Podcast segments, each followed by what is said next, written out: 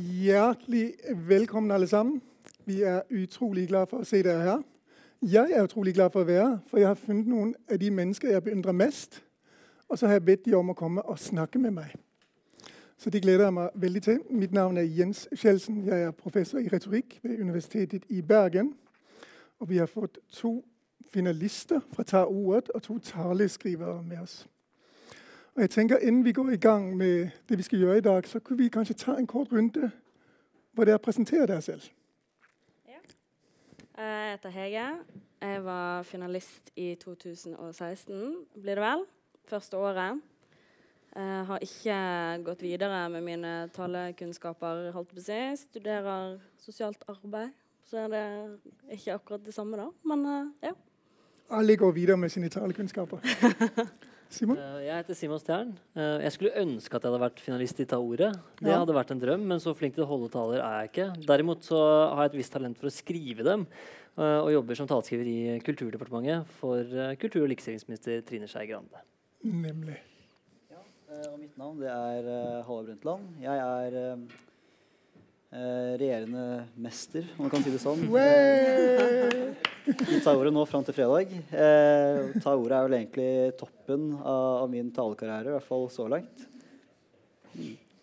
Ja, jeg heter Mina Gerhardsen. Jeg har vært taleskriver før. på jobbet ved Statsministerens kontor. Og også vært taleskriver for eh, Jonas Gahr Støre da han var i Røde Kors. Eh, og så deretter Jens Stoltenberg. Um, etter hvert begynte jeg å snakke selv istedenfor. Men jeg syns faget taleskriving er såpass gøy at jeg har min egen eh, blogg, Ord i bruk, som jeg neglisjerer jevnlig. Men det duk- dukker av og til opp ting der. Eh, og så har jeg skrevet en bok om taleskriving. Ja, det har du. Den ser sånn ut. De som er interessert, kan til og med kjøpe den der borte. Så Det var dagens salgspitch. Hvis du har, har god råd på hvordan du skriver en tale, så kan du gjøre det. I dag skal vi snakke litt om øhm, hvordan det er når man øh, skriver taler. Først, hvordan er det å være med i Ta ordet? Vi vil gjerne høre dere si litt om. Hvordan er det å skrive taler profesjonelt? Altså, Hvordan er det når Mine og Simon skal skrive en tale for en person som ikke er dem selv? Hvis f.eks. noen av dere skulle skrive en tale for meg, hvordan gjør man noe sånt? Så skal vi snakke litt om hvordan man egentlig skriver en god tale, og hva en god tale er for noe. Og så kunne vi godt tenke oss å diskutere til sist er det noe vits. Hvorfor holde taler? Vi har jo Instagram og sosiale medier og debatter og aviser. Hva er poenget?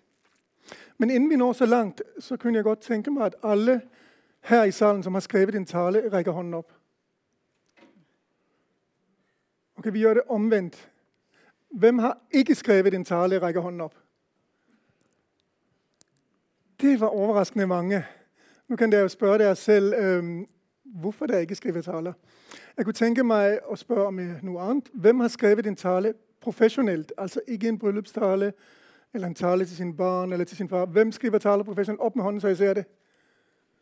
Ja, der sitter, ja, der. advokater og retorikere. Det er liksom det vi har her. Er det noen her som har skrevet tale for andre profesjonelt? Ja. Det var to taleskrivere der nede. Innen vi går videre, så kunne jeg tenke meg bare å si til de som ikke kjenner TAR-ordet, si litt om hva det er for noe. TAR-ordet er altså en talekonkurranse for unge videregående elever som blir arrangert av Universitetet i Bergen. Retorikerne som jobber ved medievitenskap på Universitetet i Bergen, er med til å organisere det. Og hvordan gjør vi det? Jo, Det første vi gjør, det er at vi kurser lærerne. Vi lager workshop for lærerne. Og Her ser dere et eksempel på det. Altså reiser, Samler lærerne og hjelper de med å tenke over hvordan man kan undervise i talekunst. Så reiser de tilbake til skolene og så holder de konkurranser og undervisning på skolene. Og så, når skolen har valgt en vinner, så inviterer vi alle elevene til workshop. Altså vinnerne, vinnerskolene. Og Det er jo to av de vi har her i dag. Og så kurser vi de. Og når vi så har gjort det, så velger vi seks vinnere ut. Og så har vi workshop med det. Og her folkens, ser dere årets seks finalister. Christer, som er godt i drivet her, han skal snakke om julen. Eh, her står Elise skal snakke om kropp. Lovise skal snakke om depresjoner og selvmord blant gutter. Herman om karakterer. Randi om ensomme eldre. Og Mulki her ute om kjønnslemlestelse. Hvis man har lyst til å oppleve de, så må man komme til uh, Universitetsaulaen på fredag klokken 17. For der skal de holde taler. Og det blir veldig bra. Men innen vi gjør det, så kunne vi godt tenke oss å snakke med dere som har vært med på dette her før. Men kanskje vi skulle snakke, starte med din tale. Ja. Du var med i 2016, ikke sant? Mm. Skal vi prøve å se hvordan det så ut? Du sitter i bilen, og ungene de sitter i baksetet. Dere skal på ferie.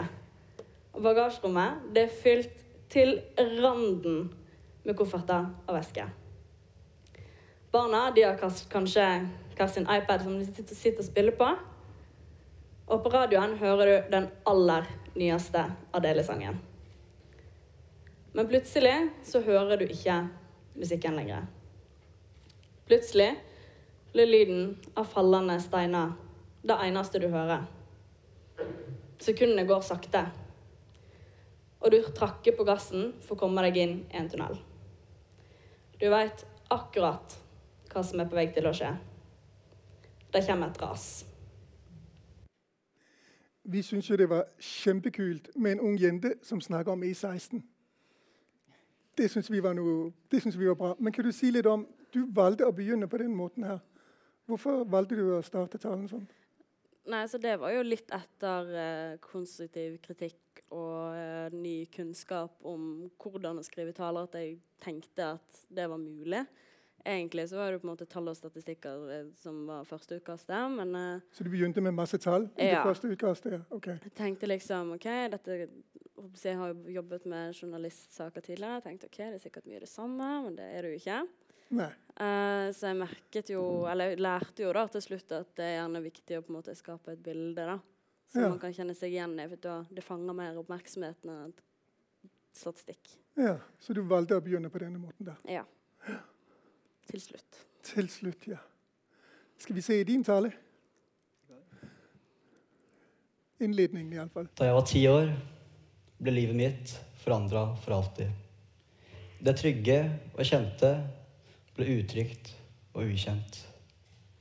Det var ikke lenger gøy å komme hjem fra skolen. Da jeg var ti år, fikk moren min kreft. Plutselig var det jeg som måtte vise omsorg for min mor. Og det var jeg som var i veien når hun viste omsorg for meg. Mine søsken og jeg måtte gå inn i rollen som voksne. Og jeg slutta å ta med venner hjem. Mamma ble operert og mottok cellegift og strålebehandling. En dag kom den gode beskjeden. Mamma var blitt kreftfri. Endelig kunne mine søsken og jeg være barn igjen. Endelig kunne jeg spille Fifa med en kamerat til langt på natt. Og endelig var det mest urettferdige i livet mitt at broren min fikk være våken i én time lengre enn meg. Men mamma var ikke frisk. Kreften kom tilbake, og behandlingen ga mange bivirkninger. Ja, Halvard, du snakker om noe veldig personlig. Kan du si litt om hvorfor du valgte å begynne talen slik som du gjorde her? Ja, nei, Først og fremst eh, så hadde jeg egentlig i første førsteutkastet til talen min så hadde jeg en litt mer beskrivelse da, eh, av hvordan formen til moren min var. Eh, og på en måte prøvde å sette meg selv litt inn i situasjonen hennes. Eh, men litt etter tilbakemelding og egne tanker så kom jeg fram til at det var ikke hennes situasjon jeg kjente til. Og det var ikke den som på en måte fortalte min historie. Eh, det var jo jeg som fortalte min historie, eh, og det var den som på en måte kunne farge min tale mest. Eh, og også få fram det budskapet jeg hadde. Om da partikkelterapi og hvordan dette kan endre livet for kreftpasienter og deres pårørende. Ja, for du snakket om partikkelterapi. Kan du si litt om hvorfor, det er, hvorfor var det viktig for deg? For det som er viktig med ta ordet, det er jo at man er der vi gjør en endring i verden. Der vil bruke ordene, reise det opp, snakke til masse folk for å få folk til å tenke og handle annerledes. Og hva var det du ville oppnå? Nei, jeg ville oppnå at eh, flere kunne få muligheten til å bruke partikkelterapi eh, som en del av sin kreftbehandling. Eh, jeg hadde selv vært pårørende i mange år eh, hvor jeg visste at partikkelterapi var en mulighet. Bare ikke for oss som bodde i Norge helt enda, fordi det ble diskutert litt fram og tilbake. Um, uh, og etter at jeg hadde skrevet talen min, eller før jeg hadde skrevet talen min, så ble det uh, fatta et vedtak om at vi skulle bygge det i Norge. Men uh, det var fortsatt langt fram i framtiden. Uh, og det fantes pasienter som fikk lov til å ha denne behandlingen her i utlandet. Og det var jo det jeg ville, at flere folk skulle få lov til muligheten til å bruke denne behandlingen. fram til vi fikk egne anlegg i Norge. Mm. Kunne dere si litt om hva det var som dere lærte mest av å ta ordet? Og Hvis dere skulle gi et råd til andre som skulle holde taler, hva ville det viktigste rådet være? Kroppsspråk, kanskje? Kroppsspråk, ja. Mm, at man er bevisst på hvordan egen holdning og okay. hvordan man på en måte fremstiller seg. Hvordan ble du oppmerksom på det? Jeg holdt på å si Det var jo på den ene workshopen jeg hadde, da. Der det var tema, på en måte. Men uh, at man ikke gjør sånn som jeg gjør nå. At man er litt mer sånn, åpen, liksom, litt mer tilgjengelig. Ja, ja Viser hender åpen sånn? Ja, ja, At det kan være med på en måte altså Det har jo handler jo òg om førsteinntrykk og hvordan man oppfatter folk som mennesker, men òg hvor mottakelige andre er for det budskapet man gir, da. Mm. Tror jeg. Ja, men det er jo interessant, fordi vi tenker ofte gode taler ved de jo de spaserer rundt på scenen, og de har store armbevegelser, de vinner folket. Men der, særlig du, sto jo bom stille. Så det åpenbart kan man gjøre det bra med taler uten å bevege seg så mye. Er det riktig? Mm. Hva sier du, Halvard? Du sto jo helt stille nesten. Ja, nei, du gikk litt ut og litt, men du gjorde ikke veldig mye med armene, f.eks. Nei, nei, for meg så handler det egentlig om at jeg er en person som uh, lett sitter stille. Det er på en måte den personen jeg er. Uh, og særlig i den situasjonen så var det også det som føltes mest riktig for meg. Ja. Så for min del så har det blitt helt feil å hoppe og spytte rundt på scenen der uh, med armer i alle retninger. Ja. Så det, så det vi lærer her, det er at man må på en måte finne seg selv. Men dere to skal jo ikke finne seg selv. Og det er jo en veldig rar ting å gjøre. Dere skal finne en annen. Dere skal finne stemmen til en annen. og det vil jeg høre litt mer om. Men først skulle jeg tenke meg om, høre om dere har noen kommentarer til, eh, til, det vi har hørt så langt. Det var helt glitrende å høre på.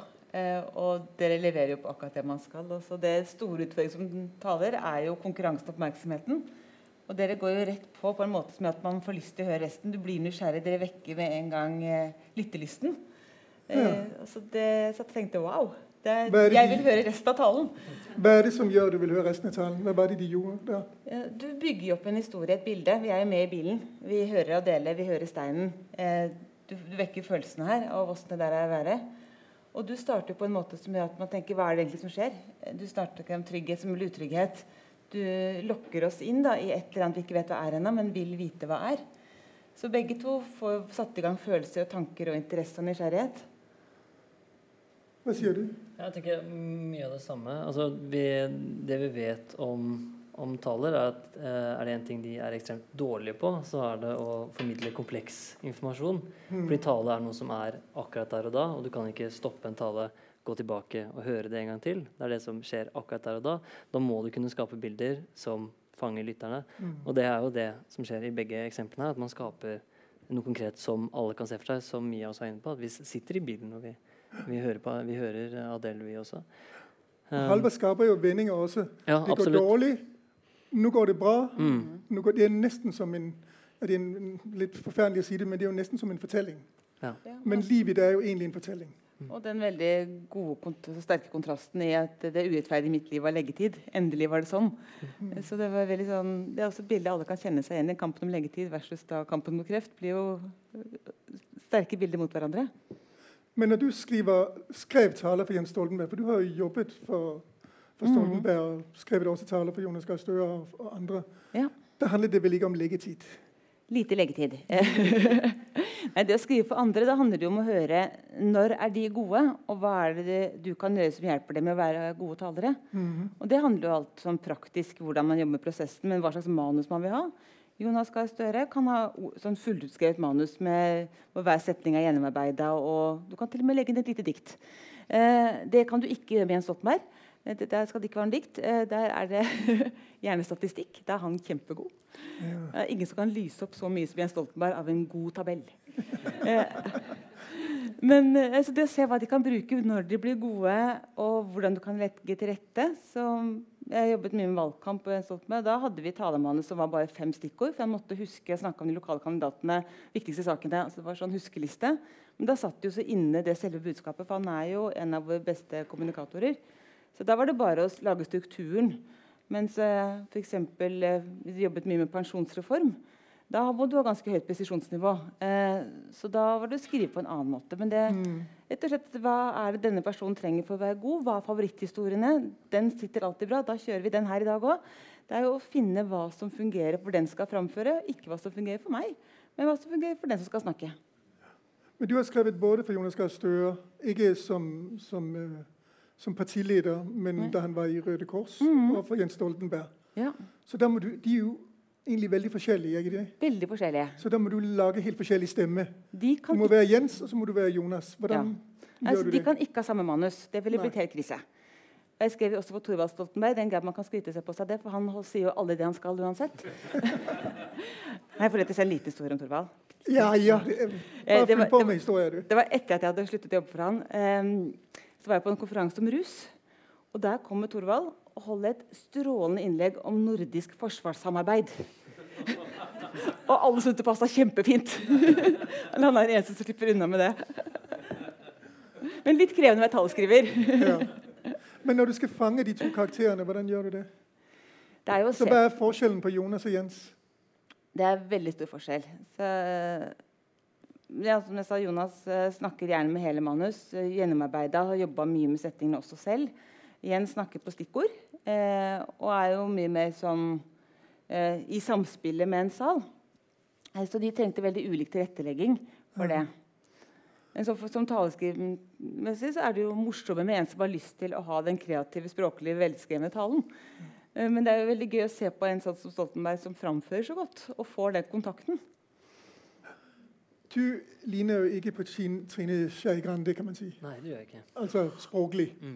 Også. Så hvordan gjør du det? Hvordan, hvordan skriver du som en trønder? Som en trønder. Ja, jeg er jo heldig at jeg har uh, en far som er født og oppvokst i Steinkjer. Så det er en del å hente derfra. selvfølgelig. Nei, men Det er litt som Halvor var inne på. Han sier at han, det førsteutkastet uh, som du skrev, hvor du på en måte beskrev din mors situasjon, og så kom frem til at nei, men det er ikke den situasjonen jeg skal beskrive. Det er min situasjon.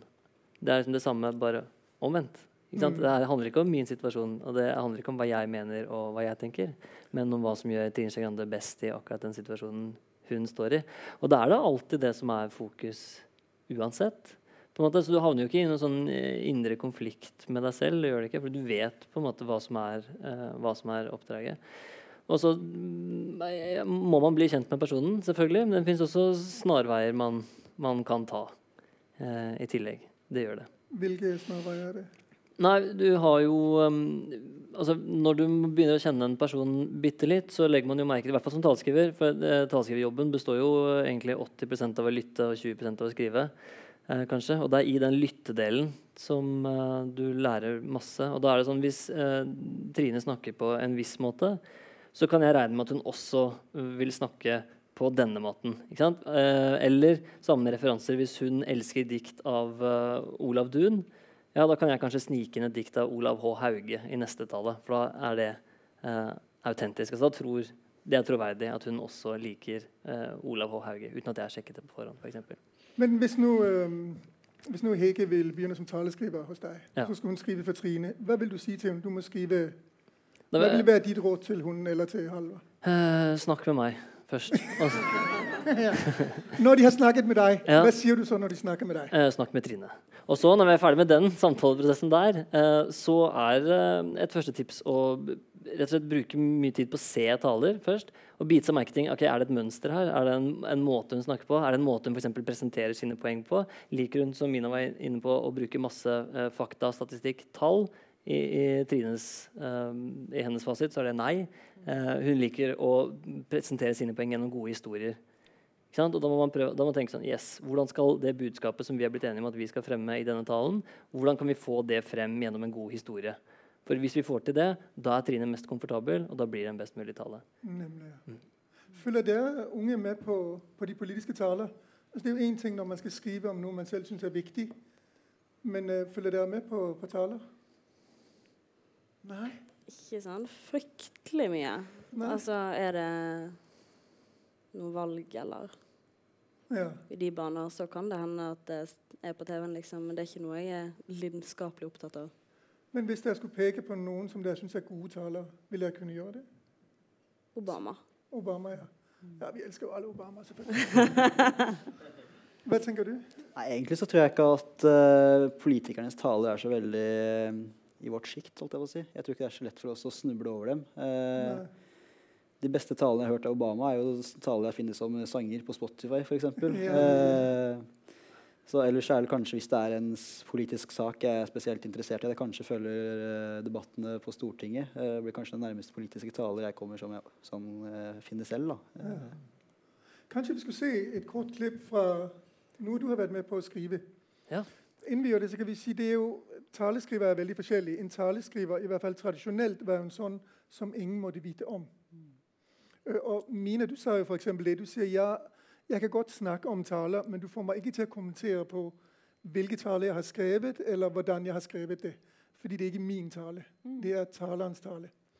Men du er ikke så ydmyk. Jeg jeg er ikke så ydmyk. Nei, da, jeg, jeg snakket litt med Mina uh, før også, og jeg er i utgangspunktet helt enig. Så derfor brukte jeg uh, var jeg ganske påpasselig med hvilke eh, klipp jeg valgte å sende til deg i, i forkant. Fordi dette er situasjoner hvor vi på forhånd har hatt god tid til å snakke om ok, hva er problemstillingen her, hva er det vi ønsker å oppnå med den talen, Ja. og vi kunne gå gjennom den på forhånd. Så akkurat disse to snuttene her er vårt, på en måte. Men selvfølgelig er talen alltid eh, statsrådens. Du fortalte meg tidligere at John Favreau, som er den berømte taleskriver til Obama, Ja.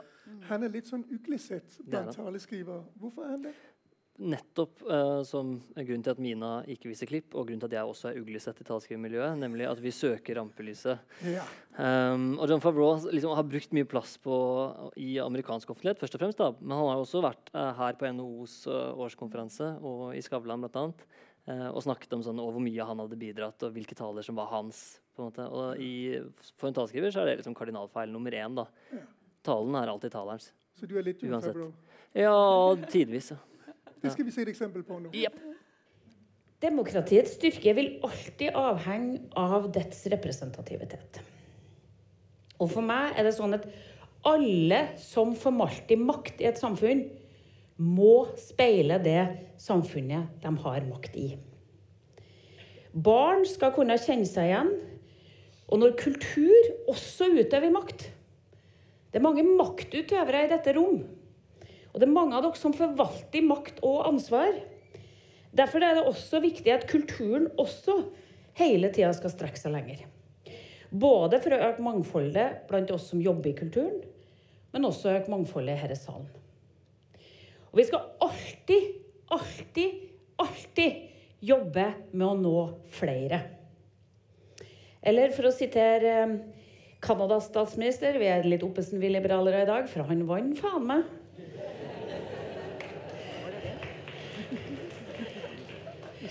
Justin Trudeau bruker å si 'better is always possible'. Bedre er alltid mulig. Og man skal aldri være fornøyd med akkurat der man er. Og man skal aldri se utover en sal med publikummere og si ja, det er akkurat dem jeg vil ha i salen. For da mener jeg at man gjør en fundamental feil. Ja, en fundamental feil. En fundamental feil. ja. Kan du bare, dette er uh, talen hun holdt til Kulturrådets årskonferanse. Ja, La meg spørre først, Hvor lang tid tar den talen? Den talen uh, jobber vi med over ganske lang tid. Det er en sånn, vi, den datoen får vi tidlig. Dette kjenner Mina til også, som har vært statssekretær i Kulturdepartementet. Uh, og er på en måte kulturlivets state of the union, som man kjenner til fra USA, hvor presidenten liksom redegjør for hvordan ting ser ut i amerikansk politikk. Dette er her vi redegjør for hvordan ting ser ut i det kulturpolitiske Norge. Så dette er en stor og viktig dato som på en måte markeres med ekstra rødt kryss i kalenderen. Og da er det mange runder frem og tilbake. Og så var temaet i år det var utenforskap.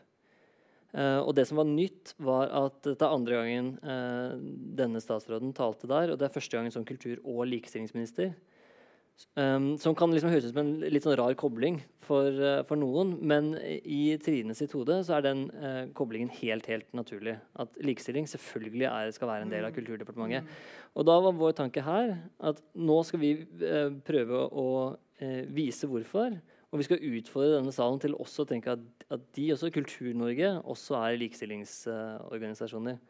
Um, og så Derfor snakker statsråden her om, om, mangfold, og spesielt da med sånn vi skal aldri være fornøyd. Vi kan alltid bli bedre.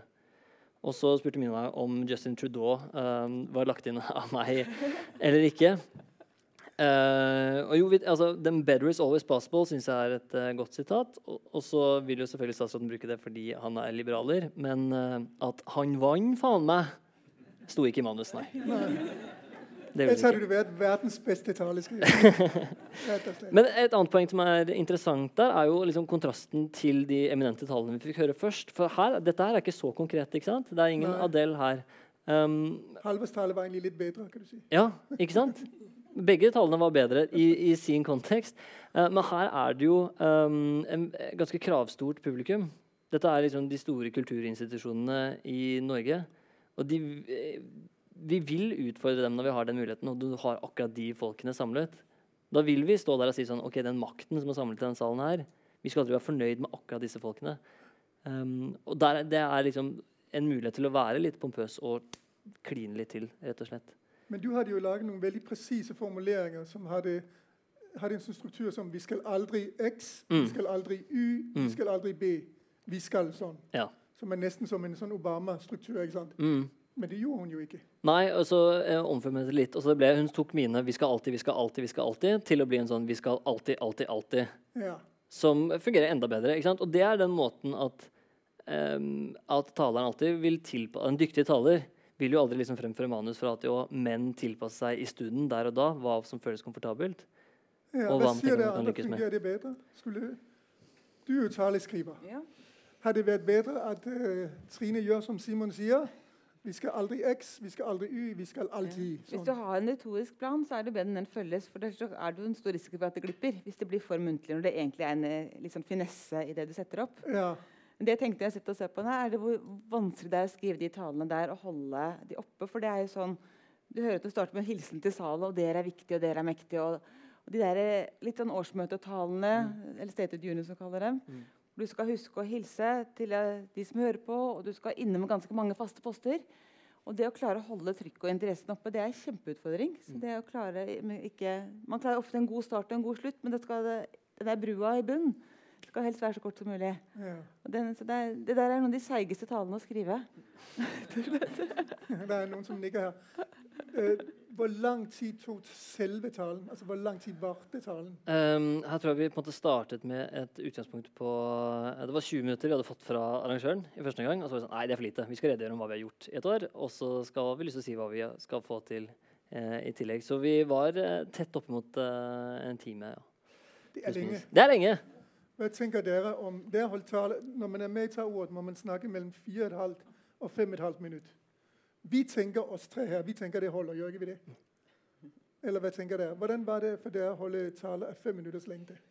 Nei, Fem minutter er, er, Du skal jobbe for min del skulle jeg jobbe for å klare å få til fem, fem minutter med bra eh, taleskriving. Eh, jeg hadde også forholdsvis mange utkast.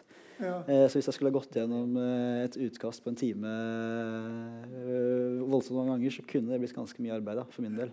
Og det blir helt umulig å huske. Ja. Hva, hva tenker du, Hege? Nei, Jeg hadde jo omvendt problem. Jeg hadde jo altfor mye å måtte korte ned. Ja.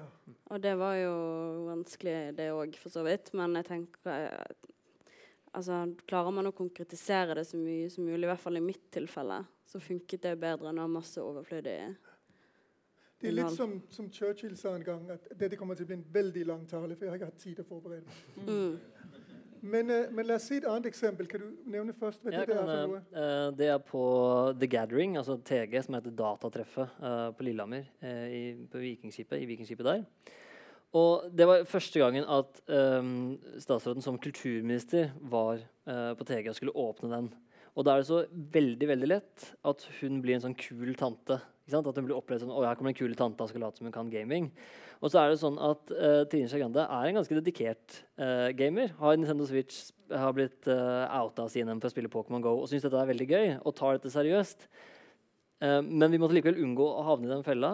Måtte, hun, oppgaven var liksom at vi må få hun til å bli tatt seriøst som politiker der oppe. Samtidig som vi må greie å engasjere et publikum som egentlig helst vil spille Fortnite i tre dager og ikke høre en kulturminister stå der oppe og snakke. Så her må vi treffe på engasjement, og så må vi gjøre det enkelt. Og så må vi um, snakke litt så de forstår, uten å fordumme dem. på noen som helst måte. Ja, la oss prøve å si. Fordi datatreff er kultur.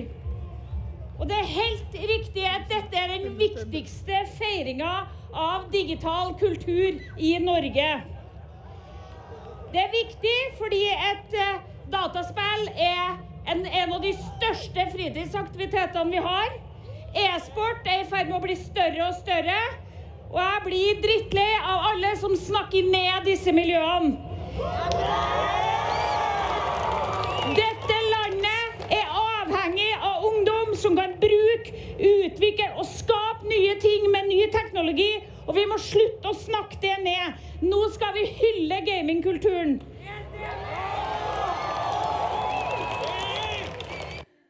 Vi skal hylle gamingkulturen. Du skal få lov om et øyeblikk, Simon. Vi har nå lært at kulturministeren må alltid ha minst ett banneord inni talen sin. Ja, Minst. Ellers så går det ikke. Men jeg tenker, har lyst til å spørre deg, hva tenker du om talen? Det korte klippet vi hørte Ja, nå. eh, jeg tenker det er veldig viktig det du sa først, det å skjønne hvem du snakker til. Mm. Fordi at eh, Hvis du ikke forstår kontekst Nettopp at disse her har, har ikke lyst til å høre på tale i det hele tatt. Eh, så du må være kort og legge noen gode klappepoeng, og så bli ferdig. Eh, så det å skjønne de som hører på Jeg var på et nattevandring for bærekraftsmålene eh, i fjor i Oslo. Eh, det var isekaldt. Alle som var der, var i hvert fall for å høre på konsert. Og en statsråd snakket og snakket og snakket. Og når alle fryser og egentlig vil høre på noe annet enn deg, så må talen være kjempekort. Og det er jo det hun eh, har skjønt. At det går litt sånn, eh, litt sånn ropetale, egentlig. Ja, ja, Eh. Roping og entusiasme. Ja. Det er jo det riktige å gjøre her. En ropetale, ja. Eh, Innen vi kommer til Simon, hva tenker dere om dette korte klippet? Jeg ser utfordringen. Ja. Eh, jeg vet ikke om jeg hadde vært så supergira sjøl. Det er sånn, Hvis ikke du har noe å si, kan du alltid rope det høyt. Ja. ja, det funker alltid. Ja, Men det er jo ikke helt tilfeldig hva hun sier heller. Nei, det er det jo ikke. Uh, og så har vi jo vi har utrolig mange flinke fagfolk i uh, departementet. Og så var liksom en av tingene som rett før dette her eh, ble klart, var at regjeringen skulle lage en dataspillstrategi. Så det var liksom fagavdelingen sånn, det må vi si. Vi må forklare at vi skal lage en dataspillstrategi som gjør at eh, vi skal liksom løfte dataspill som et satsingsområde. Og så tenkte jeg sånn Nei. Sånn, det, er, det er kult og viktig og bra, selvfølgelig, men det er ikke det de her vil høre. Nei. Det bryr seg ikke noe om. Ikke sant? Det er det utviklerne holder på med. Det er liksom de rundt Ja. eh, gamerne. Så der er det liksom først en kamp mellom meg og avdelingen. Um, og så, når jeg til slutt får det igjennom, så er det en ny runde med statsråden hvor vi må prøve altså, vi, ok, Jeg skjønner hvis du har lyst til å snakke om, om Pokémon GO, f.eks., vi må unngå det i den settingen her. Nå skal vi vise Fordi dette er jo et publikum som eh, No offense til liksom tidligere eh, tidligere statsråder og kulturministre, men det er jo et felt som har, på en måte, har blitt oversett av en del. Altså Gamerne har aldri følt seg som en del av kulturpolitikken i Norge. De sier sånn, ok, Hva har dere til felles med Nasjonalmuseet? Så sier de ingenting. Så det var jo noe statsråden har uh, vært opptatt av helt siden hun kom inn. at det er en selvfølgelig del av Kultur-Norge. Så det å på en måte fremme henne som uh, en troverdig taler for dataspill, det var viktig. Men også som politiker. Det Og da hjelper det å skrike litt. Det gjør det, altså. Ja, det hjelper alt. Skrike og banne det er liksom hovedregelen. Men, eh, men der deler hun jo egentlig det som både Halvard og Hege gjorde, nemlig de, de vil noe med talen. Mm. Det må jo være det viktigste.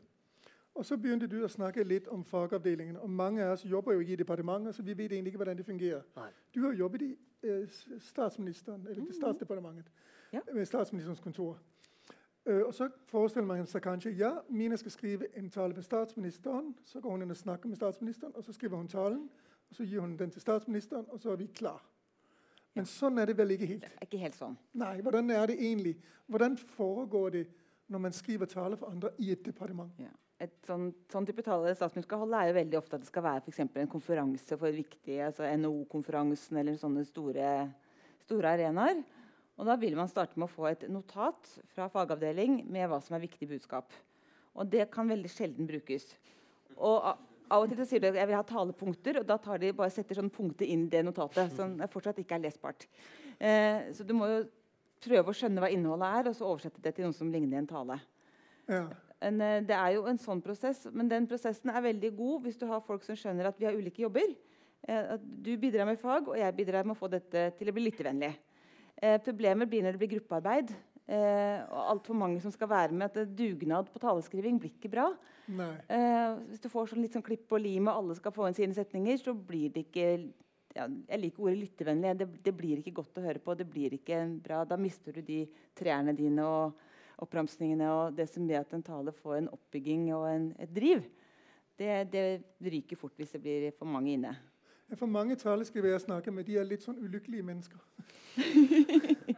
Fordi de, de er, blir på en måte revet mellom sitt eget ønske om å skrive gode, levende, blomstrende taler og fagavdelingens krav om faglighet, presisjon, og, og statsrådens krav om at det skal være sånn som statsråden vil ha det, og, fange statsrådens stemme. Er det, er det, sånn det er? Det er sånn det er. Da jeg var i Kulturdepartementet, så fikk jeg stadig påpakning for å si at vi er flere medlemmer i dette landet enn vi er innbyggere. Og det er sant, vi er ti millioner medlemmer. Og da var det heller noen som sier ja, men er noen er medlemmer flere steder. Du kan ikke si det sånn. Jo, jeg kan si det sånn. Det er morsomt å si det sånn. Ja, ja. men du bare setter nok til å bestemme at uh, så lenge det ikke er helt faktamessig totalt galt, så kan du gjøre det. Men Hvordan opplever du å jobbe i kultur, Kulturdepartementet? Nei, jeg pleier å bruke et litt sånn puslespilleksempel. Uh, at Der sitter jeg som taleskriver, og så har jeg fått uh, 100 forskjellige puslespill med liksom 100 brikker hver. Så jeg har 1000 brikker i en stor eske. Og så er det min oppgave å lage et eh, puslespill, altså ett bilde, av 100 av de 1000 brikkene. Bare, liksom, det er liksom masse forskjellige brikker, og så skal jeg greie å lage et bilde av disse brikkene som eh, for det første er forståelig, man ser hva det er. Um, og for det andre at det har en liksom, viss sammenheng. Og for det tredje, helst så skal dette være et bilde som liksom, rører noe ja. i en person. Um, og det er en krevende jobb, tidvis. Det er det. Og det er også fordi at alle um, folkene i fagavdeling er jo 100 ganger flinkere enn hva jeg er selv. De er jo eksperter på sine uh, saksområder. Kunne du bare forklare, Hva er en fagavdeling egentlig for, for oss som det er de som, er litt uklart? Hvordan fungerer departementet? Ja, her kan vi jo, ja, ikke sant? Uh, for dette er jo de folkene som er De er ofte jurister ikke sant? og har, har kjempe kjempeekspertise på sitt område, følger miljøet tett. Om det er for i museumsavdelingen for eksempel, i, hos oss i Kulturdepartementet. Så er det folk som er liksom veldig tett på, um, på, museumsmiljøet, har møter med de ulike museene og vet hva som rører seg. Og også jobber med å utarbeide praktisk museumspolitikk. Um, og så kommer jeg plutselig og skal og har fått en talebestilling på å åpne årets utstilling på Trondheim kunstmuseum for eksempel. Og tenker jeg sånn, å gøy, masse trøndervitser, tenker jeg med en gang. Og så kommer jeg ned til dem, og så sier de sånn Ja, men nå må du nevne at uh, Trondheim kunstmuseum har fått uh, økning på 3,2 millioner i driftsstøtte i år, f.eks. Og så blir jeg sånn Ja, men vet ikke de det, da? Altså, det må jo de være klar over. De, de, vil jo ikke høre det. De vil høre noe annet. Og så er det en sånn evig kamp uh, frem og tilbake. Men man har jo massiv respekt sant, for at det er folk som vet enormt mye mer om sakens kjerne enn det jeg gjør selv. Så det gjelder å finne den balansen. Og så må de også forstå at jeg kan ting, jeg også. For det er, for, det er jo det å forstå at det er forskjellige fag. Jeg, da, jeg har jo da vært politiker, ikke byråkrat. Så jeg kunne også bestille hjelp til taler. Uh, og da er det å skjønne hva du skal kunne bestille. Så når jeg sa til byråkraten at så vil jeg gjerne ha noe morsomt i starten, uh, og så vil jeg ha litt farge og sjel. Uh, og da så jeg at vedkommende ble litt blek. det var liksom ikke en del av opplæringen. finne noe gøy. Det er ikke noe jurister driver med, kan du si. det gøye med henne er at hun nå er tallskriver selv, som blir tydeligvis inspirert. jeg kunne tenke meg å høre litt om hva dere tenker uh, når dere skriver taler. Men innen jeg gjør det, så vil jeg faktisk gjøre noe kanskje litt usedvanlig. Jeg har lyst til å høre om det er noen i salen som har spørsmål til hvordan man skriver taler i departementer. Det var litt sprått på salen, tror jeg kanskje. Men uh, hva sier taleskriveren som sitter der nede på bakerste rad? Ah, ingen plikt. Vi åpner litt senere igjen. Når dere skriver, skrev deres tale, hvordan, hvordan, skriver man en tale? Nei, først er det egentlig viktig å vite litt hvor du vil hen. Eh, for det er veldig lett å på en måte hva skal jeg si, henge seg opp i veldig, sånn, i tidlig fasen henge seg opp i korte ord og uttrykk, i korte setninger og hvilke ord du skal bruke her og der. Mm. Men for min del så var det viktig å hele tida få en retning på talen. Vite hvor jeg ville vite, tenke litt på hva det sa du jeg Tenke litt på hva de skal sitte, sitte igjen med. Eh, og tenke over eh, når jeg sitter på, på, sitter på, bussen på vei hjem. Så da handler det egentlig mer om å finne et litt mer tema for hvert avsnitt. Eh, og vite litt mer hva du skal inn igjennom. Og så heller begynne å skrive, skrive avsnittet. Eh, og det jeg da også merka meg, var at det beste er egentlig ofte det første du skriver. For det er det som ligger eh, nærmest hjertet. Si. Det er eh, de ordene som du vanligvis hadde brukt i dagligtalen din. Og så kan du kanskje lese gjennom det, det et par ganger, eh, og så finner du ut at du kanskje bruker et annet ord, eller at det klinger litt feil da, i munnen når du leser det, og så bytter du ut det ordet. Mm. Men eh, da har du i hvert fall klart å få en tale som er deg, eh, og som du er komfortabel med eh, å holde. Og da vil også talen bli mye bedre. Hva var de viktigste endringer du gjorde i din tale? Nei, det var egentlig uh, Først og fremst et veldig, godt spørsmål. Uh, uh, men for min del så også jeg endra egentlig budskap en del ganger under prosessen. Fordi at jeg følte ikke jeg fikk aktivisert nok lyttere. Altså de, de fikk ikke de budskapene jeg sånn faktisk da, hadde tidligere i prosessen, før, før talen var ferdig. Det var ikke budskap som på en måte klarte å aktivisere lytteren da, på den måten som jeg eh, helst ville. Eh, så jeg satt ikke igjen med den følelsen av at eh, de som ville sitte på bussen da, eh, etterpå, egentlig ringe nærmeste bekjente med kreft og si be, be om partikkelterapi. Eh, så det var egentlig endringer jeg gjorde underveis. Og på en måte endre litt på temaet, endre litt på litt formuleringer og retningen. Sånn at de på en måte først også fikk vite hva, hvilke muligheter det var. Men også litt hvordan de kan få tak i den behandlingen, og litt hva det går ut på. Ja. Så du endret egentlig målet med talen på et vis. Mm, klart. Og det oppdaget du mens du skrev, så oppdaget du at det er jo egentlig dette jeg vil. Er det riktig forstått? Ja, det er klart. Eh, så det også er litt skummelt å på en måte låse seg fast eh, på en tanke litt tidlig. Og det merka jeg også at jeg var flink til å gjøre. Så etter hvert så slutta jeg egentlig med å redigere talen. Men eh, for jeg merka at jeg var så knytta til det jeg allerede hadde skrevet. Eh, så ofte så bare åpna jeg et helt nytt dokument. Eh, og så lot jeg den gamle talen være på et gammelt eh, dokument. Og så skrev jeg heller på nytt. Hvis jeg f.eks. hadde for litt for lang tale eller hadde noen avsnitt som jeg ikke følte gikk helt hjem, men som jeg fortsatt var fornøyd med, Mm. så var det veldig vanskelig for meg å trykke på delete og få vekk hele avsnittet. Så da skrev jeg heller hele greia på nytt. For da måtte jeg ikke fjerne noe. Interessant. Jeg ser at taleskriverne nikker innen de får lov å forklare hvorfor de nikker. Hvordan skriver du tale? Hvordan jobber du? Altså, veldig enig med han i utgangspunktet, men samtidig så hadde vi veldig forskjellige taler. Min var jo veldig faktabasert. Eh, Det lille historieklippet var jo det egentlig eneste som kunne spille på noen følelser. Så for min del så var jo det mer den innhentingen og sorteringen av informasjon og hva som var relevant å ta med. Veldig, Mm. sånn, egentlig veldig sånn nyhetssakoppbygg, egentlig. Kan du bare si hva var det du ville oppnå? Jeg ville ha ny vei langs Bergen-Voss. Veldig Ja, entusiastisk. Vi håper at noen har kontakter inn i departementet. ja. Ja. Snart skjer det noe her. Nei, ja, men det var jo hovedmålet. For jeg er jo fra Voss, så det ble, har pendlet ganske mye. Og sett litt ras og litt togforsinkelser og litt sånn diverse. Så ja, det var jo ikke noe som lå like nært mitt hjerte som det din, din sak sikkert har gjort for deg. Men det var jo allikevel noe som man vil gjøre noe med, på en måte. Mm. Om man har muligheten. Og så plutselig så kom jo den ganske fint i fanget. Det er én ting som vi har opplevd i Ta ordet. og det er for når, når du vant. Du hadde jo en veldig sterk historie som var veldig personlig. Og, og det er vel ofte slik at de personlige historier er ekstra sterke. Vi har også hatt en ung kvinne som, eh, som var utsatt for en voldtekt. Og hun begynte rett og slett talen med å si 'Jeg er blitt voldtatt'. Og Så har vi snakket med mange lærere, og så har de spurt noe sånn som Må man ha opplevd noe fryktelig for å holde en god tale? Må man liksom ha vært gjennom noe forferdelig? Du, du, du var jo i finalen, og det var mange andre med deg som, som gjorde det bra, men du snakket jo ikke om noe personlig. Så, så jeg kunne tenke meg å høre dere to. Du har jo opplevd noe, og du brukte det. Men det som gjorde at din tale ble god, var jo at du gjorde det generelt. Altså, du brukte deg selv, du brukte din historie, men du snakket egentlig ikke om deg selv. Du snakket om partikkelterapi. Det var derfor talen var god. Men hva tenker dere der over det, hvis lærerne sier til oss at uh, alle kan jo ikke ha opplevd noe, eh, noe voldsomt for å holde en god tale? Hva tenker du, f.eks.? Nei, altså, holdt Det er jo veldig lett å ta den der trekningen med de som slår igjennom i musikkbransjen. Det er jo som regel sånn Justin Bieber har jo vært alenemor. sant? Altså, At det er sånne spesielle historier som gjør at man på en måte har et unikt talent, eller liksom at man er veldig god på noe, eller er veldig ja, har en slags formidlingsevne da, hvis man har opplevd noe.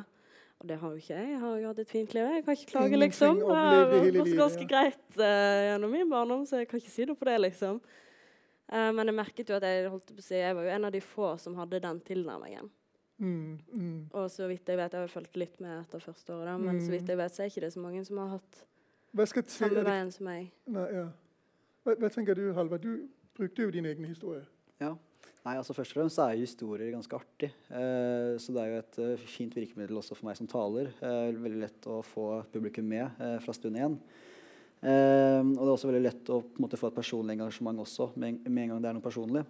Men så er det også viktig at som taler så er det ikke deg selv du skal fremme. Det, det er saken. Og da er det også veldig viktig at du bruker historien for å fremme saken, og ikke deg selv. For det er en det er fort en felle man kan eh, gå i, eh, tror jeg. At eh, man blir for opptatt av sin historie. at man litt glemmer det store bildet av grunnen til at man kanskje er der eh, også. Hva tenker dere? Dere er jo profesjonelle om dette. Ja, altså det er klart at personlig sterke historier gjør inntrykk. Det er det ikke tvil om. Men det viktigste er å forstå hva historier gjør. Eh, for det, det er ganske vakkert, egentlig. Når noen forteller en historie Når vi snakker sånn, så er hjernebølgene våre ulike. Hvis du forteller meg en sterk historie eller en engasjerende historie, så går vi i takt. Vi er bokstavelig talt på bølgelengde.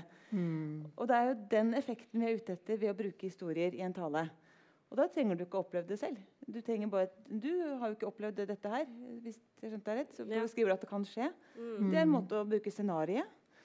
Jeg har ganske ofte brukt historier fra bøker. Ja. Eh, hente andre altså Helt annen inngang, men samtidig fortelle historie eh, om noe som mange kanskje kan kjenne seg igjen i, for de kan kjenne boka. Eller det er veldig hverdagslig som man kan kjenne seg igjen i. Altså den første skoledag. Hun som gleder seg til å gå på skolen, at hun flyr hele veien bortover. Og det der å slippe den hånda når de skal inn i klasserommet. Altså det er de mellommenneskelige følelsene som vi kjenner oss igjen i. Mm. Så det, det du skal oppnå, er jo å få hjernebølgen i synk. Mm. Og Det er veldig mange veier til det, men det er det å bruke historien, lage de bildene. Men du må ikke ha vært i krigen eller vunnet OL for å gjøre det. Det er veldig mange veier dit.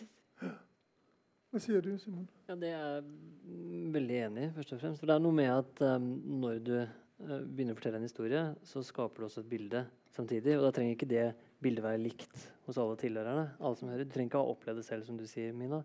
Men at du likevel ser noe inni deg på en måte som du ikke gjør i like stor grad som hvis du sier at nå skal vi være effektive og proaktive.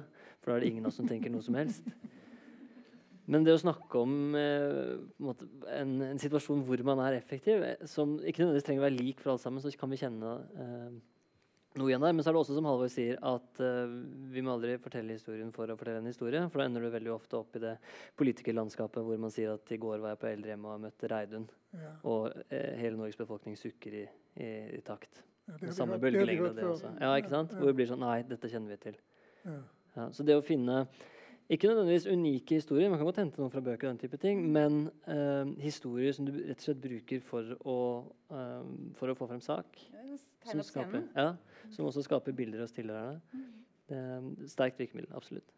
Så man behøver ikke å oppleve noe veldig sterkt for å lage en veldig sterk tale. Du har jo skrevet en bok om hvordan man skriver gode taler. Ja. ja. Så kan du bare forklare oss hvordan man gjør det. Altså, veldig kort å skrive en god tale. Det er jo, du skal jo lykkes med tre ting. Du snakket litt om det i stad. Du, du skal bli hørt. Du må først få oppmerksomheten. Hvis du ikke får oppmerksomheten, så er det jo samme hva du gjør etterpå. For da betyr det ikke noe hva du sier. Og så skal du bli husket. Og det er mye vanskeligere enn man tror. Det er jo deprimerende være talskriver. At når dere går ut av det rommet her, har dere glemt halvparten av det vi har sagt.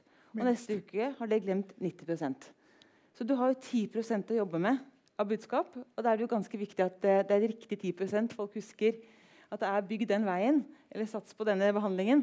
At det ikke er noe helt annet, eh, at det er den gøye vitsen eller eh, helt annet poeng som sitter igjen. Så det å jobbe beinhardt med budskap, eh, det er jo kjempeviktig. Du, du sa du bytta budskap etter hvert. Jeg prøver å være flink til å tenke hva skal være budskapet, jeg bygger resten rundt. Og så er det å få til handling.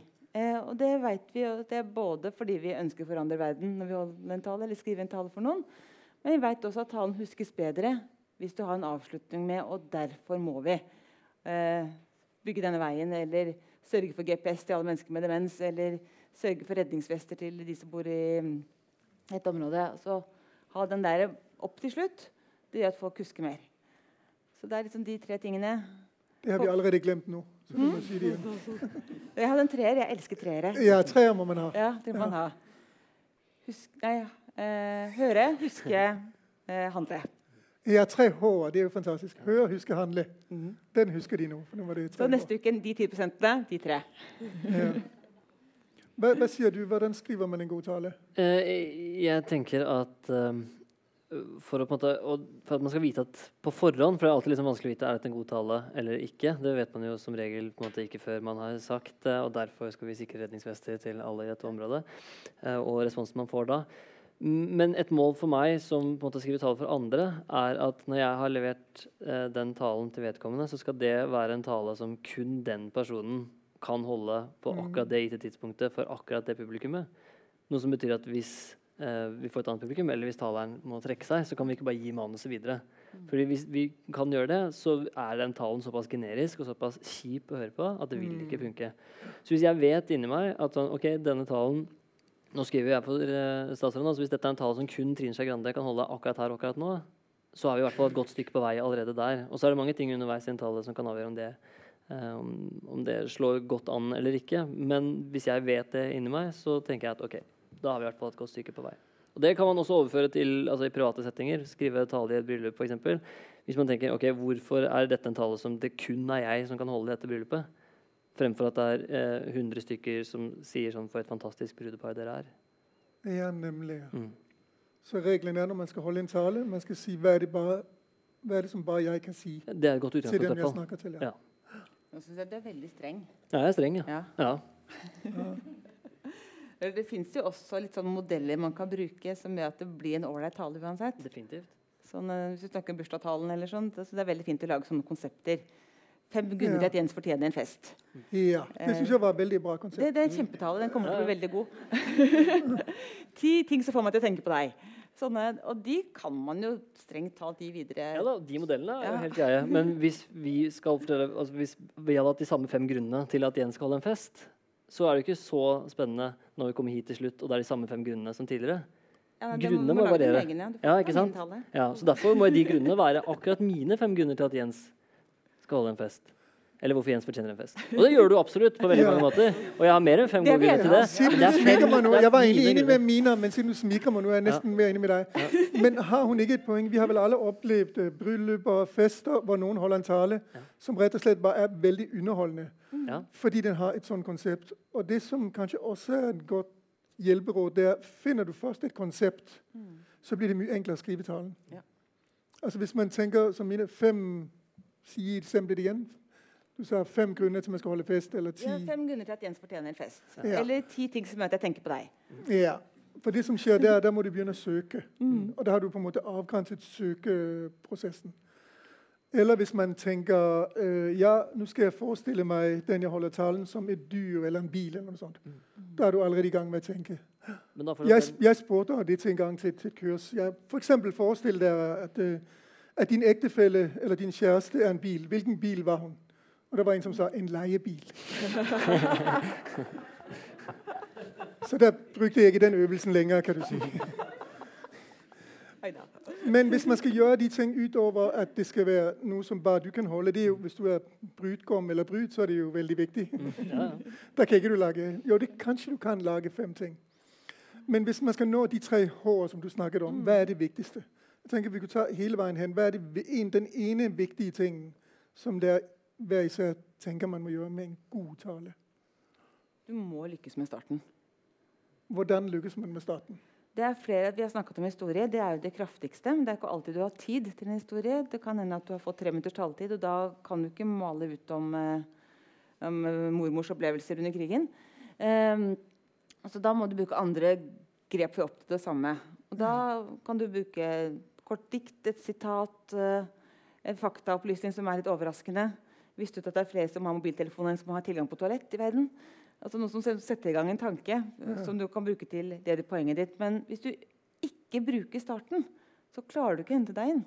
Hvis du starter med 'det er veldig hyggelig for å være her', 'dette er et veldig fint forum', og 'spennende tema vi skal snakke om', da har jeg mista dere for lengst. Så da hjelper det ikke at det kommer et knallpoeng etterpå. Så det å bruke de ganske få sekundene til å, sånn som dere gjorde, så eminent, å få det til å bli framoverlent og få lyst til å lytte For ellers så hjelper ikke hva du gjør etterpå. For Halvor hadde en markant uttalelse. Mitt liv endret seg for all tid. Ja. Så vil vi tenke Oi, hva var det som skjedde? Og du tegner inn et bilde Mm. som vi ble foldet inn i. Okay, Så det er din ene hovedregel. Du må få de med fra begynnelsen. Mm. Halvor? Ja, nei, jeg er egentlig ganske enig i det Mina sier her. eh, At du må eh, få med fra begynnelsen. Men også er det også, må man også huske på det at eh, det er jo eh, altså Jeg snakker for meg selv kanskje nå, men eh, korttidshukommelsen min er helt klart den beste. Så hvis du på en måte vil at de skal sitte igjen med, med noe når du går hjem, så er det også veldig viktig å ha en god avslutning. At du har en liten punchline eller slag med halen eller et eller annet som virkelig fester seg på hjernen. Da. Som er ganske spot on, det budskapet du har. Sånn at det, det siste du sier, fester seg eh, og kan eh, få lov til å bli med eh, på reisen enda litt til. Hvordan gjør man det? Det er jo et vanskelig spørsmål å svare på. Men hva, hva gjør vi husker noe i slutten? Det andre er velkommen til å bidra også.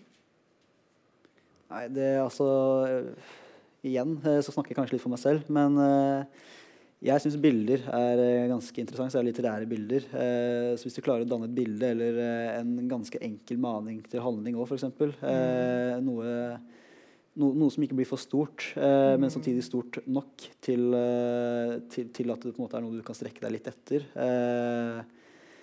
Hvis du, for eksempel, hvis, du skal, hvis du ønsker å oppnå handling, da, det er stort, sett de tallene jeg har skrevet uh, i, mitt, i min karriere. Eh, men i hvert fall at du, har, at du har et lite budskap da, eh, på slutten av talen eh, som folk får med seg. Men det er en veldig ting, du sier ofte, veldig viktig ting. For du sier ofte ja, sånn er det nå for meg. Men jeg tror en veldig viktig regel er at du må glede deg til din egen tale. Altså hvis, hvis f.eks. en god innledning det er noe Jeg kan ikke vente med å stille, si denne gøye tingen i begynnelsen. Sånn, for hvis publikum merker oi, dette syns han er gøy Selv om det ikke er gøy, så kommer det til å bli litt gøy likevel. Hva vil være ditt hovedråd? Eh, nå er det gøy at du på en måte sniker i køen og tok det poenget jeg hadde tenkt uh, var fremme. Ja, men jeg har flere Du har mange- knep. Jeg har ikke bare én, jeg. Du kan også skrive en Ja. bok om Nei, men jeg tar med en, en slags fjerde H, da. Altså hvorfor? Tenk litt over hvorfor jeg, skal jeg holde denne talen? Ja, og, ikke sant? og hva er det jeg har lyst til å oppnå med akkurat det jeg sier? Ja. Ja. Uten at det trenger å være unikt for enkelt. Vi kan ha denne femtrinnsmodellen f.eks. Uh, men altså, hvorfor? Hvorfor er jeg her? ja. Ja. Hege? Eh, ja, jeg snakker jo litt for meg sjøl. Jeg er ikke ekspert sånn som disse her. Så det får nå bli eh, personlige erfaringer. Men eh, jeg lærte mye av å få andre til å lese gjennom og komme med tilbakemeldinger. Jeg eh, stoler ikke på min egen vurderingsevne i det hele tatt, så den blir lest gjennom ganske ofte. Uh, og ja, jeg, altså jeg snakker, og så tenker jeg. Og sånn var det når jeg skrev første utkast òg. Jeg skrev, og så tenkte jeg etterpå. Så det å få på en måte andre øyne på produktet, da, det var ganske nyttig. Men det er jo et veldig viktig råd. Når vi jobber med Tarot, så er det jo noe i hele ideen. At vi lærer elevene gi tilbakemelding til hverandre. Eh, Og det gjør vi bl.a.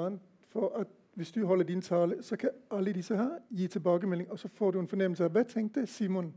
Og han tenkte sånn, men Mina tenkte noe helt annet. Han elsket det, hun syntes det var litt rart. Så man lærer at tale Det fins ikke én bestemt form for god tale.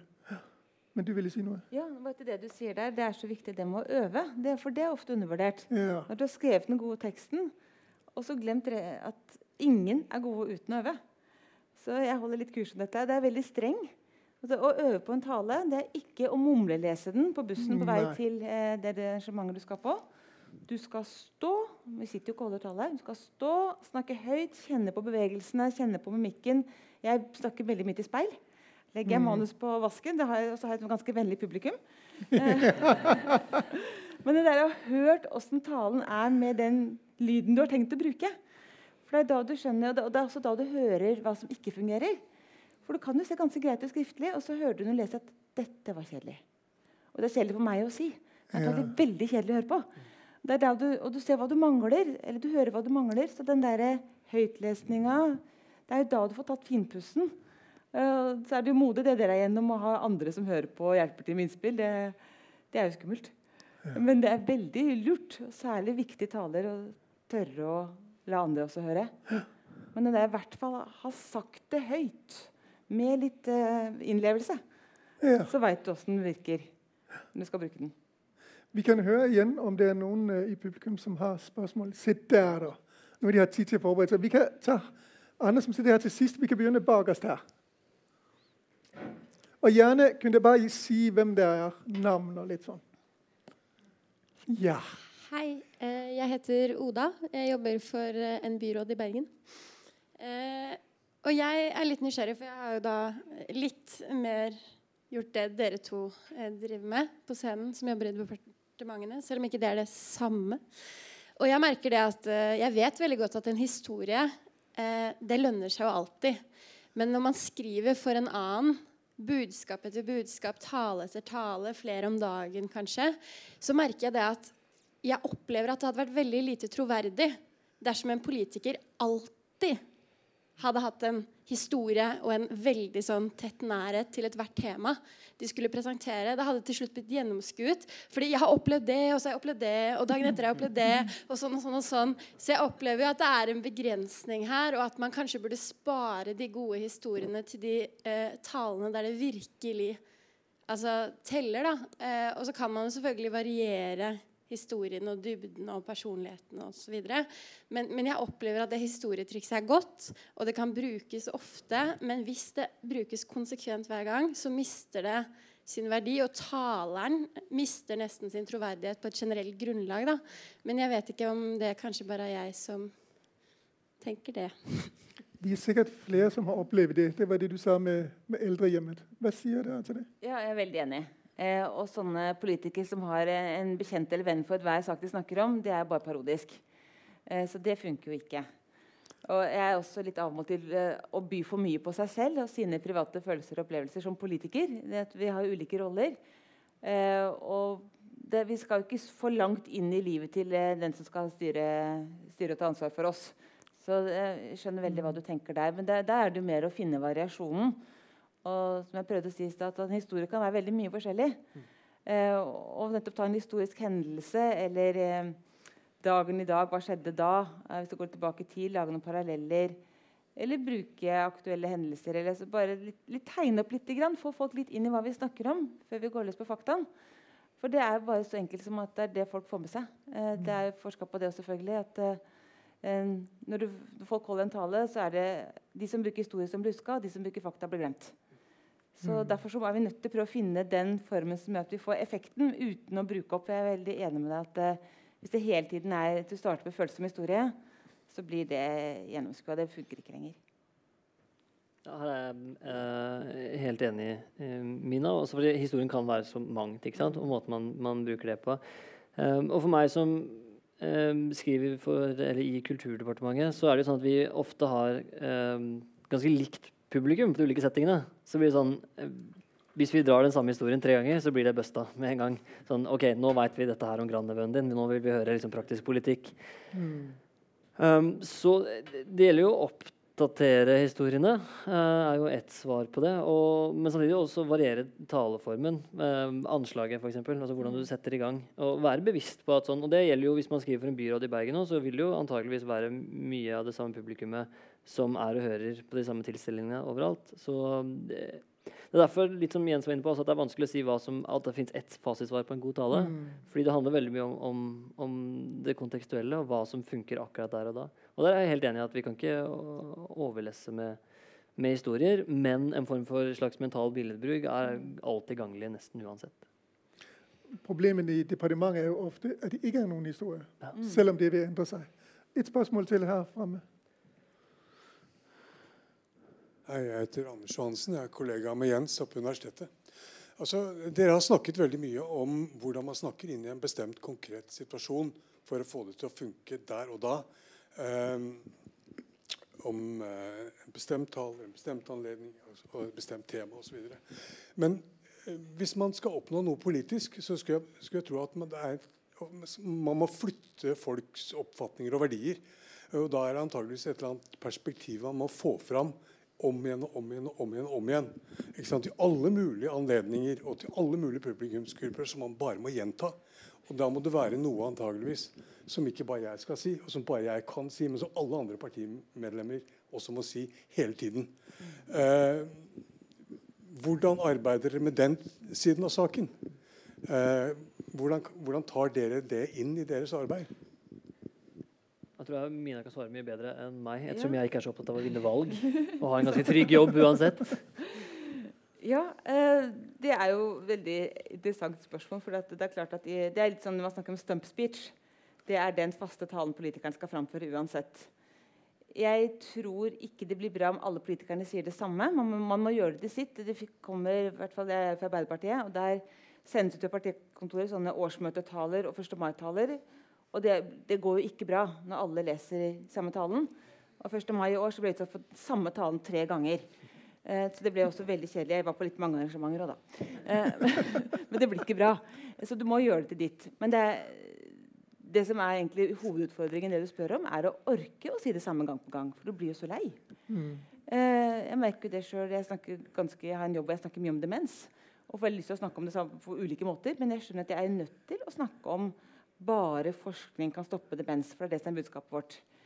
Um, nå har jeg jobba mest som politisk med Jens Stoltenberg, og han er jo heldigvis helt rå på å si det samme om at om at. Ja. Uh, og uansett hva han blir spurt om, og hva som er tema. Uh, så han er jo e-, ekstremt god på stay on message. Uh, så der, Det jeg lærte da jeg drev politikk, nå gjør jeg ikke det lenger, men det var jo at du, du har ikke sagt det mange nok ganger før du blir kvalm av å si det. Da begynner det å nærme seg at du har gjentatt det nok. Um, så Der er det egentlig balansen med å få hamra inn budskapet gjentatt og gjentatt. Og gjentatt, og så må du skjønne når det er brukt opp. Og det er jo noen sånne budskap uh, en, Arbeiderpartiet har jo hatt slagord 'alle skal med' i mange år. Jeg er veldig glad i det, men jeg hører nå at det brukes i alle mulige sammenhenger. Så ingen tenker at det er et eh, politisk Arbeiderparti-budskap lenger. På samme mm. måte som Rema 1000, det enkle er ofte det beste. Det bruker vi om alt mulig. Vi tenker ikke at det er Rema 1000 som har en kampsak som gjør at de skiller seg fra andre. Så det å også gi seg i tide. Eh, men eh, det å få etablert et budskap og et budskap til å sitte, det er kjempevanskelig. Så det er repetisjon i alle anledninger over lang tid som skal til. Vi skal ta noen eh, flere spørsmål, men bare én oppklaring. Du sa ja, kanskje mine er bedre til å svare på det. Og det er fordi selv om dere begge er taleskriver, så er det egentlig to helt forskjellige taleskriver. Ja. Fordi hvis Trine Skei Grande må gå, mm. så blir du sittende. Ja. Men hvis Stoltenberg må gå, så må du også gå. Kan dere bare forklare hva er egentlig forskjellen på de to ting? Jeg var politisk ansatt. Så jeg kom inn på statsministerens kontor som rådgiver etter hvert politisk rådgiver med medieansvar, så spinndoktor. Eh, og ble etter hvert statssekretær, eh, men helt inn ansvar for taleskriving og kommunikasjon. Så jeg var jo pga. partibakgrunn eh, og var da ansatt som politiker. Så det er jo noe helt annet eh, enn å være embetsverk. Ja, men det er du ikke. Nei, for jeg er en del av kommunikasjonsenheten i selve departementet. Ja. Ja, som er en litt sånn spesiell setting nå som vi har en kulturminister som også er partileder. altså Trine Skei Grande er mm. leder for Venstre også. Um, så, så, du skal jo ikke skrive partipropaganda? Det nei, skulle jeg gjøre. Yes. Det er helt riktig. Uh, så Det betyr at jeg sitter uavhengig av hvem som er altså skal alltid skrive de beste tallene til den som til enhver tid er kulturminister. Ja, mm. Så når Trine Skei Grande holder landsmøtetale, så vet vi den har Simon ikke skrevet? Riktig. Mm. Ja. ja, vi har tid til andre spørsmål.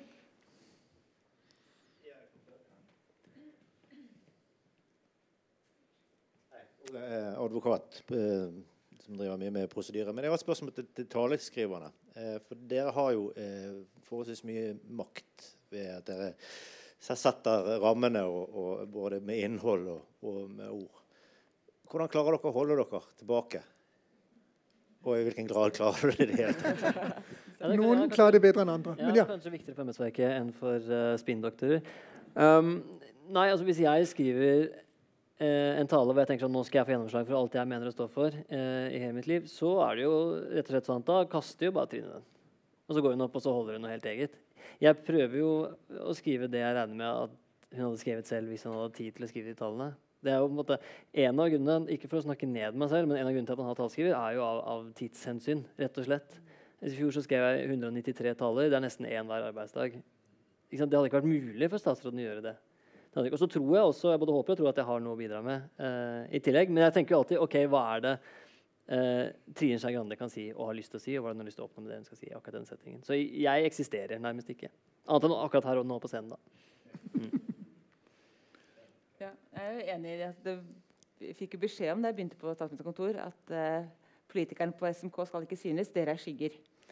Uh, så det, mm. det, var jo veldig definisjonen av oppdraget vårt også. Vi skal gjøre statsministeren god. Det var det som var arbeidet vårt. Uh, så har, jeg, har, man jo klart makt. Og bl.a. det du sier med at politikeren politikerne har dårlig tid. Så det, en del taler blir jo lest i bilen på vei til eh, eh, foredraget skal holdes. Og da klart at det, det, er ikke så mye som kan gjøres om da. Så da har du jo bestemt åssen eh, dette skal bli i dag. Eh, men har du ikke levert godt, så kan det ikke brukes. Så jo, du må jo prøve å levere noe som du tror den som skal framføre det, faktisk vil ha glede av å stå og si. For ellers så går det jo dårlig. Og det må være match. Så den uh, største taleskrivertabben jeg har hørt om, er taleskriveren som la inn en vits i talen til Gro Harlem Brundtland. Det hadde visst vært en opplevelse.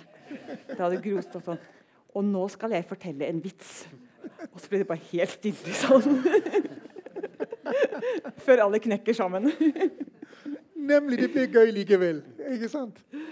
Ja, vi har plass til enda flere. Jeg har masse spørsmål selv, men det er bedre, mye bedre at publikum kan spørre. Hei.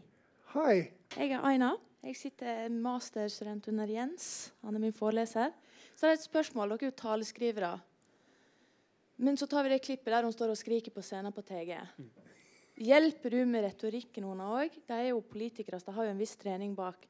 Men du må jo være med siden hun gikk fra å være partileder til å nå skulle representere en annen rolle. Så må du jo kanskje hjelpe henne litt med den retoriske overgangen mellom de to rollene. Men det er, en, er det en aktiv, stor del av deg som taleskriver, eller har dere en annen person som kommer inn med det? Med framføringen? Ja, med framføringene. Hvordan skal de prate? Hvordan skal de te seg? Ja, her er jo jeg så heldig at jeg skriver tale for en ekstremt rutinert uh, taler som har vært partileder i ti år og på Stortinget enda lenger. Men så er det riktig som å si at det er første gangen hun er statsråd, og det er en annen rolle. Det er en annen rolle å sitte i regjering, men akkurat det å stå og skrike til TG, det greier hun helt fint selv. Men, allerede, eh, men, det handler jo også om at hun har et manus der som er tilrettelagt for skriking. For du kan ikke stå der og skrike hvis du har masse innskutte leddsetninger. Men hvis du har setninger som består av fire ord med liksom ti utropstegn etterpå, så er det, det er lettere å skrike den type setning. Så det var litt av hva vi forventet å møte på, på The Gathering, men også fordi at uh, kulturministeren er veldig klok dame. Og jeg skjønner at okay, er en, liksom, det er to ganger i året jeg kan skrike. Det er på Venstres landsmøte, og så er det på TG. Hmm. Men det er jo også et problem kanskje med at det var jo åpenbart det funket veldig bra i salen. Altså Hun skriker ut til dem vi må hylle mm. uh, gamerne, og så er de liksom der. Men når vi ser det på video, så ser det jo litt hysterisk ut. Ja. Så når, de, når talene blir videreformidlet, så skjer det vel noe som kan være litt uheldig? eller? Ja, spesielt hvis man sakser ut uh, litt sånn som vi har uh, gjort i dag. da. Ja. Uh, at du kan liksom klippe ut små enkeltelement som bare spilles om og om igjen. Som man gjør på Internett. Som man gjør på dette internettet. ja. ja. Internettet. Ja. ja. Taleskrivers mareritt. ja.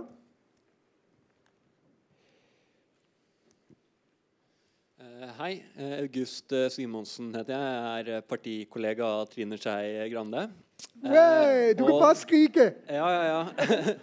og det jeg lurer på, er hvordan du jobber med denne balansen mellom hva som på en måte er talene man holder som statsråd og som partileder. Mm. For det er jo to forskjellige roller, og du jobber jo ikke med de direkte politiske talene sånn sett som parti, partiledertalene. Mm. Men når du f.eks. er i en valgkamp, så vil jo alle talene som Trine Skei Grande bli oppfattet som en del av valgkampen.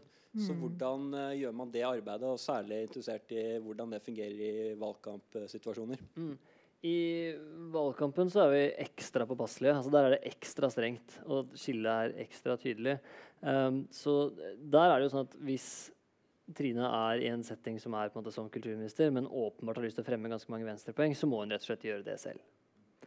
Men i det store og hele og vanlige eh, kulturministeråret så er det spesielt at vi har en eh, kultur- og likestillingsminister som også er partileder. Og det har jeg brukt mye tid på å reflektere rundt og kommet frem til at jeg kan godt skrive Og det er mulig at det er på en måte annerledes enn fra det var da du var i, i departementet, men jeg kan godt skrive liksom, fastlåst ideologi inn i tallene. Altså sånn om mm. enkeltmenneskets frihet, f.eks. Uh, knyttet til kultur. Men jeg kommer aldri til å skrive uh, 'derfor er det så bra at Venstre har fjernet pelsdyrnæringen'. For eksempel, altså, praktisk politikk? Nei. Ideologi? Ja. For hvis jeg ikke skriver inn det, så gjør jo jeg på en måte meg selv og den uh, jobben vi i departementet gjør med å skrive taler, rett og slett irrelevant. For da vil hun bare kaste de kortene og så kjøre på som seg selv. Så ideologi, jepp, det er helt greit. Så jeg har lest meg masse opp uh, på det liberale uten å kommentere hva jeg stemmer. Um, men uh, praktisk partipolitikk nei. Yes, vi har tid til maks to spørsmål til, og så må vi slutte. Hvis det er to spørsmål til. Ja.